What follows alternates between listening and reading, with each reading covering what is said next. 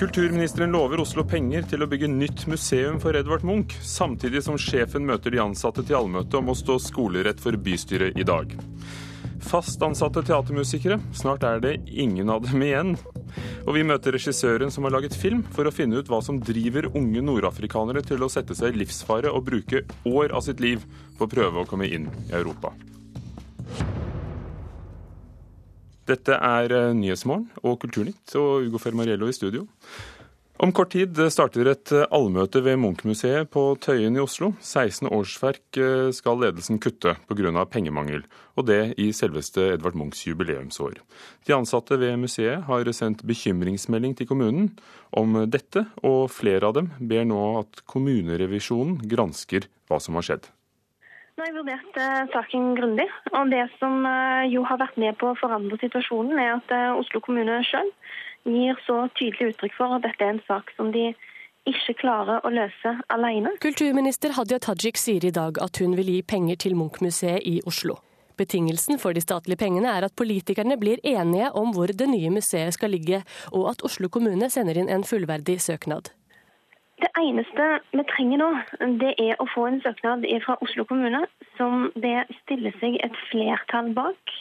Hvor mye kommer det til å bidra med? Det kommer helt an på søknaden som sådan, når den foreligger, eh, og vår vurdering av den søknaden. I bystyret i dag er det 29 som er for Lambda i Bjørvika, og 26 som er for Tøyen. Fremskrittspartiet er med sine fire stemmer i posisjon til å avgjøre hvor det nye museet skal ligge. Gruppeleder for Frp i Oslo, Carl I. Hagen, er positiv til statens vilje til å hjelpe, men sier at dette ikke endrer deres oppfatning om at Lambda-alternativet er for dyrt. Ja, Det er korrekt, men her er det om å gjøre å få samlet et bredt og stort flertall i Oslo bystyre, fordi denne prosessen kommer til å holde på i mange år. Og et knepent flertall er ikke noe som eh, noen liker. Nå får vi se hvordan eh, reaksjonene er, men så vidt jeg vet så er jo Lambda nedstemt av bystyret, så det er ute av bildet. Det har vært diskusjon nå om Tøyen og eh, Nasjonalgalleriet. Og Hvis vi får på plass en stiftelse, så kan det hende at et styre i en stiftelse kanskje også ser på et annet sted. Denne nyheten da om at Tajik vil bistå med penger, endrer ikke deres holdning til kostnaden på Lambda og, og Deichmanske Bjørvika? Ikke i utgangspunktet. Og vi er forventningsfulle og ivrige og har lyst til å bidra til at det blir bygga et Munch-museum. Så får vi ta det derifra. Meldingen fra Tajik får nok likevel ikke jubelen til å stå i taket på Munch-museet på Tøyen i Oslo i dag. 16 årsverk skal kuttes for å tette sprekkene i budsjettet. Om kort tid starter et allmøte hvor ledelsen og de ansatte skal diskutere hvordan museet skal omorganiseres. De ansatte ved Munch-museet skrev i forrige uke en bekymringsmelding hvor de bl.a. kritiserer ledelsen for å spare de ansatte i administrasjonen, mens de kunstfaglige ansatte må gå. Nå har 46 av 71 ansatte signert brevet. I går kveld kom en ny bekymringsmelding hvor ansatte ber kommunerevisjonen granske nedbemanningsprosessen. I tillegg skal 20 individuelle varsler om dårlig ledelse ha blitt sendt siden i høst. I ettermiddag møtes museumsledelsen, fagforeningene og kulturbyråden i Oslo bystyre for å svare på spørsmål om økonomi og drift. De skal også svare på hvem som har visst hva om pengeproblemene når. I tillegg møter mange av de ansatte opp med blokka full av spørsmål fortalte reporter Ina Strøm. Og Vi begynte altså med å snakke med kulturminister Hadia Tajik, som eh, i Dagbladet i dag går ut og lover penger til Oslo kommune til et nytt Munch-museum hvis kommunen blir enige. Eh, og det bekreftet hun jo da overfor oss her i Kulturnytt. Og Bård Hammervoll, kommunikasjonsdirektør ved Munch-museet, hva synes du og museet om kulturministerens løfte?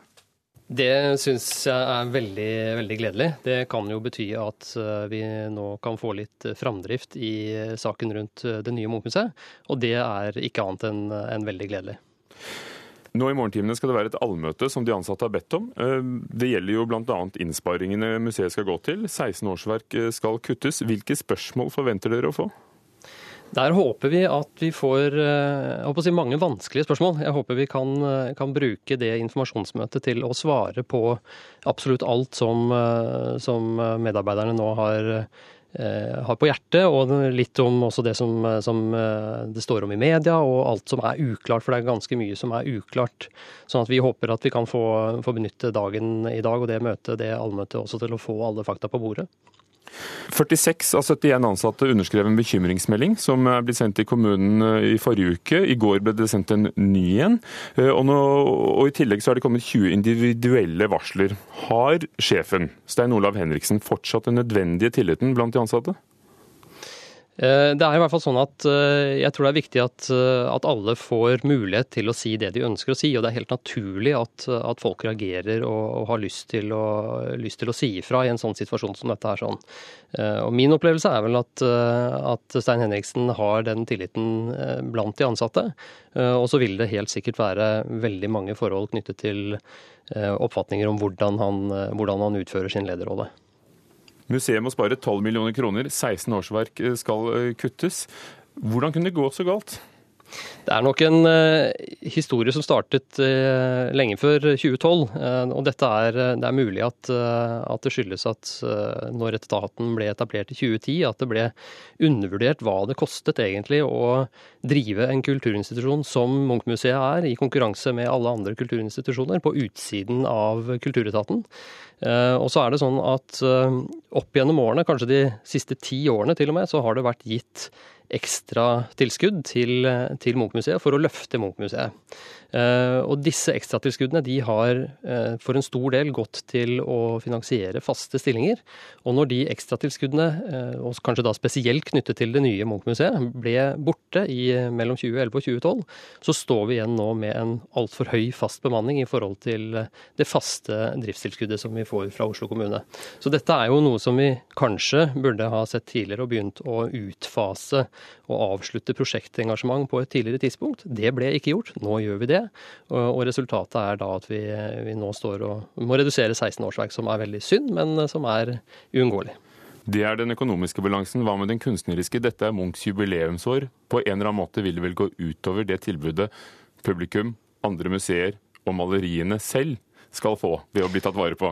Det er, en, det er, en, utfordring, det er ikke til å legge skjul på det. Eh, det vi står overfor nå, og som vi har organisert, eh, det som vi har bygget opp den nye organisasjonen etter nå, det er en, en minimumsbemanning for å drive Munchmuseet i den fasen vi er inne i nå. Eh, det er klart det er Eh, det er bekymringsfullt, men eh, når det gjelder jubileet, så er det, så er det sånn at det, eh, det, har vi nå fått en finansiering til og skal gjennomføre på en god måte. Og er veldig trygg på at vi, vi klarer å gjennomføre jubileumsåret på en god måte. Museets sjef har sagt at oppsigelsene skjer etter boken. De ansatte vil jo da altså at kommunerevisjonen skal granske etaten. Hva er din kommentar til boken og kommunerevisjonen? Eh, til boken og kommunerevisjonen. Vi har, vi har fulgt eh, de lover og regler. Eh, altså Oslo kommune har en, et omfattende personalreglement og har veldig klare prinsipper for hvordan overtallighet og omorganisering skal foregå, og disse prinsippene har vi fulgt. Takk, Bård Hammervoll, kommunikasjonsdirektør ved Munch-museet, hvor allmøtet starter nå om et kvarters tid. Agnes Moxnes, kulturkommentator. Vi begynte med å fortelle at eh, kulturministeren Hadia Tajik lover å gi penger til nytt Munch-museum. Hvilket press legger hun dermed på hovedstaden? Jeg vil jo si at Hvis det er noen politikere som har vært under press veldig lenge, så er det nettopp Oslo-politikerne i denne saken. Men nå ser vi at det er en bevegelse i spørsmålet om et eh, nytt eh, Munch-museum. I forrige uke så ba jo Oslo kommune staten da ved kulturminister eh, Hadia Tajik om hjelp, og i dag sier hun at hun gjerne vil hjelpe.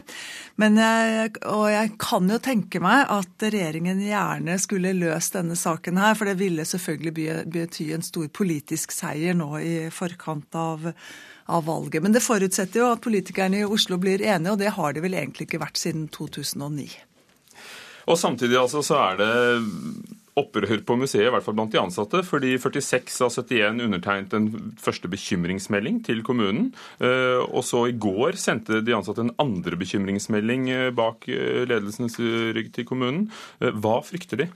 Altså, det har jo lenge ulmet i forholdet mellom ledelsen og de ansatte på Munch-museet. Og da det for 14 dager siden i dag ble kjent at 16 av 71 ansatte må gå, så er det klart at de frykter for jobben sin, og så er de urolige for museets framtid når de da mister faglig kompetanse.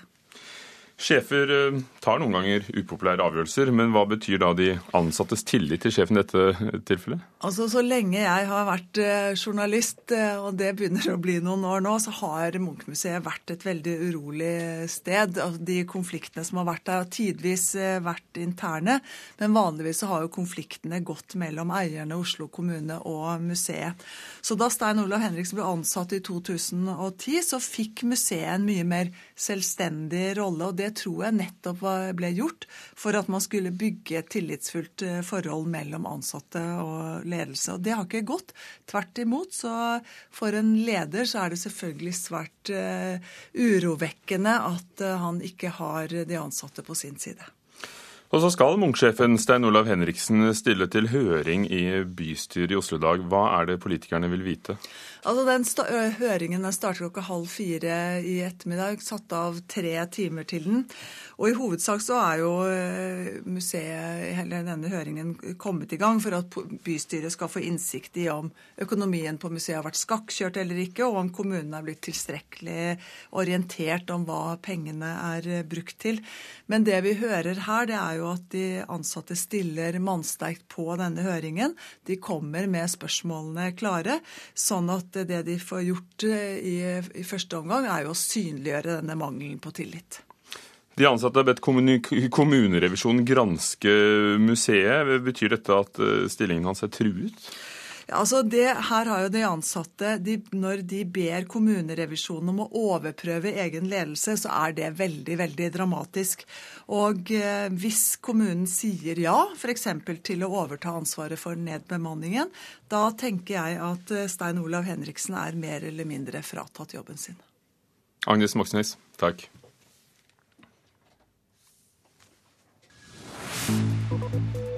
Klokken er snart 17 minutter over åtte. Dette er Nyhetsmorgen i NRK. Overskriften i dag. Den norske bombingen under krigen i Libya må granskes, krever Amnesty International. Harstad, Lofoten og Vesterålen er uten strøm. Opptil 55 000 innbyggere er rammet. Og hva får unge afrikanere til å bruke år av sitt liv på å komme til Europa? Regissøren som har laget film om dem, kommer senere hit til Kulturnytt. Først om en eh, utdøende rase. Fast ansatte teatermusikere er i hvert fall et utdøende yrke. De 20 siste årene er det blitt 70% færre av dem. Teatrene bruker i stedet frilansere, og så spiller de inn musikken på forhånd. Og dette er i ferd med å overta for de gamle teatermusikerne. Ved Den nasjonale scene i Bergen er det nå bare én igjen, der det før var seks. Om teatersjefen er her, ja. Eh, ja, Et øyeblikk så skal jeg undersøke det. Jeg kan sette over til teatersjefens sekretær.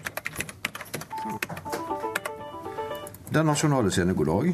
I resepsjonen på Den nasjonale scene i Bergen sitter Tom Harry Halvorsen bak skranken og tar imot telefoner. Billetter, ja da. Et lite øyeblikk, så skal jeg sette over til billettkontoret. Halvorsen har vært ansatt ved Den nasjonale scene i 27 år, men det er bare de siste ni han har jobba som resepsjonist. For Halvorsen var opprinnelig, sammen med fem andre, fast ansatt teatermusiker ved teateret. Nå er situasjonen annerledes. Vi var seks musikere her. Nå er det bare en halv igjen. Det kan virke sånn eh, at eh, yrket teatermusiker er forsvunnet. Eh, der er nesten ingen igjen. Men det er ikke bare Den nasjonale scenen i Bergen som har merka nedgangen. Ifølge kjelder i miljøet har nedgangen i antall fast ansatte musikere ved norske offentlige teater vært på godt og vel 70% de siste 20 åra.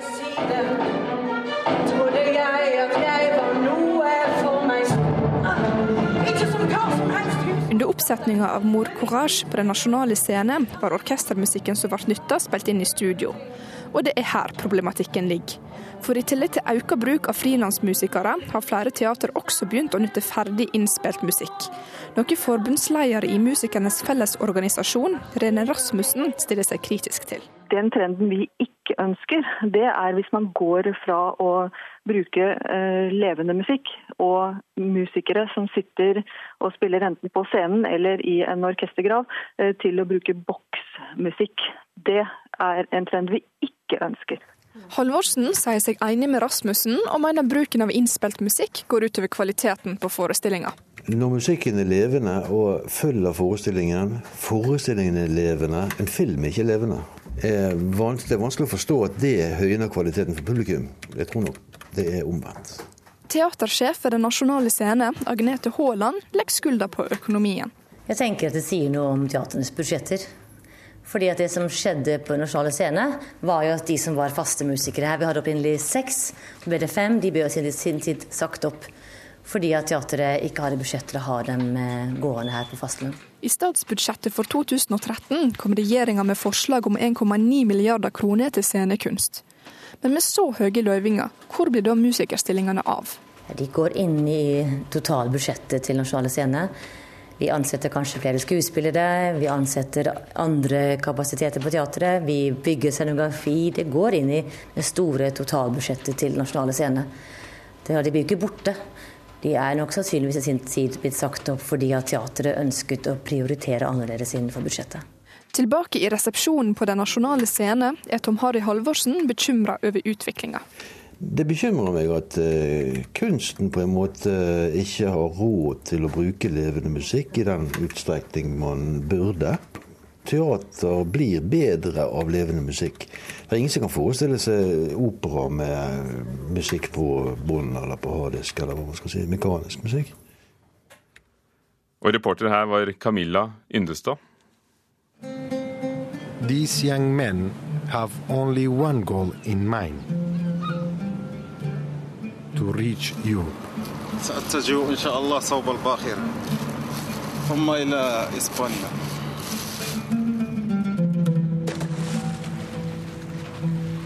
For that goal, they are willing to risk their life.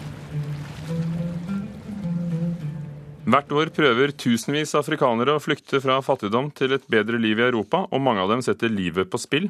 Regissør Zaradash Ahmed, velkommen. Hei, hei. Hvem er de, og hva er en haraga? Uh, haraga er et uh, uh, nordafrikansk begrep som på arabisk betyr de som brenner alt identitet, også om å begynne på nytt. Og ofte brukes på de som krysser grensene, og så prøver å flykte. Det er jo det som er haraga.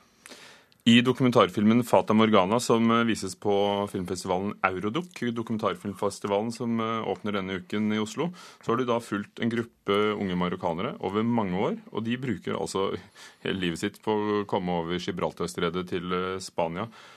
Hva var det du ville fortelle da du begynte i 2006? Ja, I 2006 det var mye om båtflyktninger og sånne ting. Så dro jeg til Marokko med håp å researche på det. I Tangier så kom jeg borti disse unge folk, unge marokkanere stort sett. Så forsto jeg hva haraga betyr, og så alle vil ut. 2006, 2007, 2008, så det var toppen, liksom. Um, så begynte jeg å bli kjent med dem og finne karakterer og bare forstå hva, hva de holder på. Fordi jeg egentlig òg uh, vært flyktning. Du kommer fra Irak. Er det en parallell historie til din, eller helt annerledes? Ja, altså, uh, jeg er en kurder fra uh, Nord-Irak, Kurdistan. Så jeg, forsto det med drømmer og alt det, men det var ikke som de forestilte seg om den andre siden. Det var ikke et Fata Morgana? Nei, nei, nei. Men også, så ble det veldig interessant i og med de uh, forsto at jeg òg har vært der en gang. Så begynte de å snakke om alt det de ikke får det til her, der de var. Altså i Marokko, i Nord-Afrika og sånne ting. Så begynte jeg liksom derifra. Men er det alltid menn og gutter? Hvor er kvinnene og jentene? Ja, tingen er, Dette er veldig tøff uh, metode. Uh, jentene uh, Noen få klarer liksom å ta den veien, den metoden. og de ofte er jo veldig, veldig, veldig få. fordi du må liksom risikere mye. Men. Så, så jentene de enten med kontrakt, falske kontrakter og sånne ting, drar de til Spania, eller arrangert ekteskap. Sånn type ting. Eller med smuglerpenger. Men hva venter dem som illegale flyktninger i f.eks. Spania, som er et land, et land virkelig i, i, krise? Ja, nå, nå, er det veldig ille for dem uh, i uh, liksom Marokkanere har det veldig ille nå i Spania, så det er en motsatt flyktning tilbake til Marokko. Så de uh, flykter motsatt. De flykter tilbake. Til For er det sånn en fransk historiker skrev i fjor i Le Monde Diplomatique, at den store utvandringen fra spesielt Marokko og andre nordafrikanske land begynte da folk fikk satellittantenner. Da så de TV-serier og trodde at folk levde som de gjør på de TV-seriene. Men det gjør jo ikke alle i det hele tatt. Er det sånn at virkelig alle flykter fra fattigdom og, og til en drøm, eller er det sånn at noen faktisk hadde hatt bedre liv der de kom fra? Uh, det er fattigdom. Pluss Altså, uh, jeg valgte å ikke gå inn i det med liksom politisk flyktning eller uh, fattige folk som vil Noen av de har hatt det OK. Liksom. Ikke middelklasse, men altså, de, de sulter ikke og uh, sånne type ting. De har ingenting å leve for. Men det er den eldgamle drømmen som folk alltid har hatt. Altså, det er jo alltid Du må ha en visjon om det er bedre et annet sted. At du kan flykte, flytte på deg, eller prøve uh, noe nytt hvis er sånn. Det fungerer ikke liksom der du er.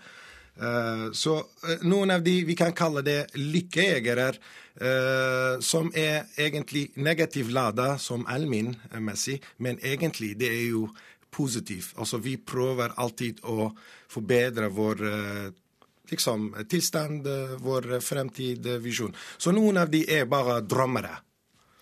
Men det er ingen som angrer seg? Uh, nei, jeg tror ikke det. Vi kan jo se uh, Zaradasht Ahmed, som uh, har laget filmen 'Fata Morgana', som altså vises på Euroduk-festivalen, som åpner denne uken. Takk for at du kom. Bare hyggelig. Det skal eh, handle om noe helt annet, nemlig diskokuler og rytmer. For det er et svensk dansekonsept som heter lunsj. Beat, lunsjbeat. Det har spredd seg over hele kloden, også til Norge. Eh, og det skal altså bli mulig å oppleve dette for folk i Volda eller Oslo.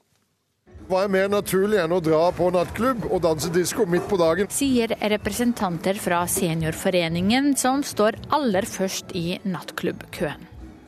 Unge og gamle, hippe og høyst gjennomsnittlige mennesker strømmer inn fra solskinnet til dyskorytmer og blinkende lys på nattklubben Ish i Oslo.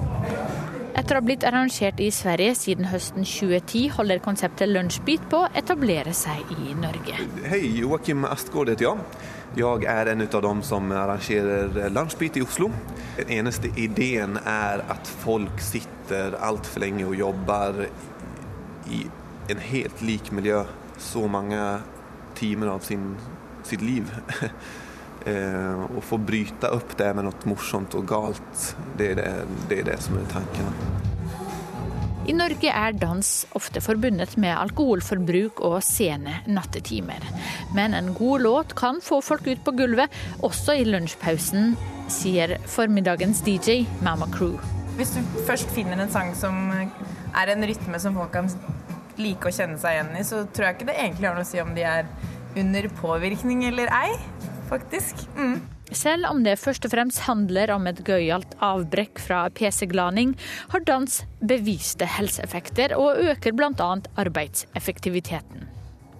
Mai Lisbeth Grønli og Michael Geller er danseterapeuter og behandler til vanlig folk med traumer og psykiske problemer. Man jobber bedre etter at man har beveget seg. Men jeg, jeg, tror vi kan ikke ta bort den ideen at det er vanskelig. Det er vanskelig for noen folk til å bare stå opp og danse. Jeg er ikke danser nå, jeg danser når jeg har hatt noen å drikke og er full. Tenk om å droppe den fasade. Du kan begynne å leke uten deg, for alle av oss har den evnen også. Og så Det den gang du trenger en terapeut for å hjelpe du får det til.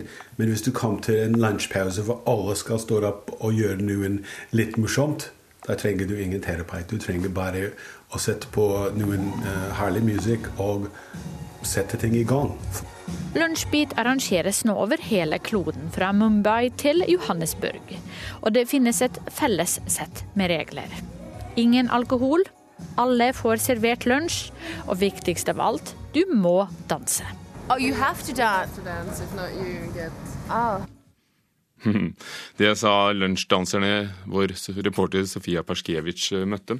I Kulturnytt i dag har vi hørt at kulturminister Hadia Tajik lover Oslo penger til å bygge nytt eh, Munch-museum, dvs. Si å hjelpe til, samtidig som sjefen for museet møter til både allmøte og må stå skolerett for bystyret. Kulturnytt var ved Espen Hansen, Gjermund Jappé og Ugo Fermariello, og klokken er halv ni.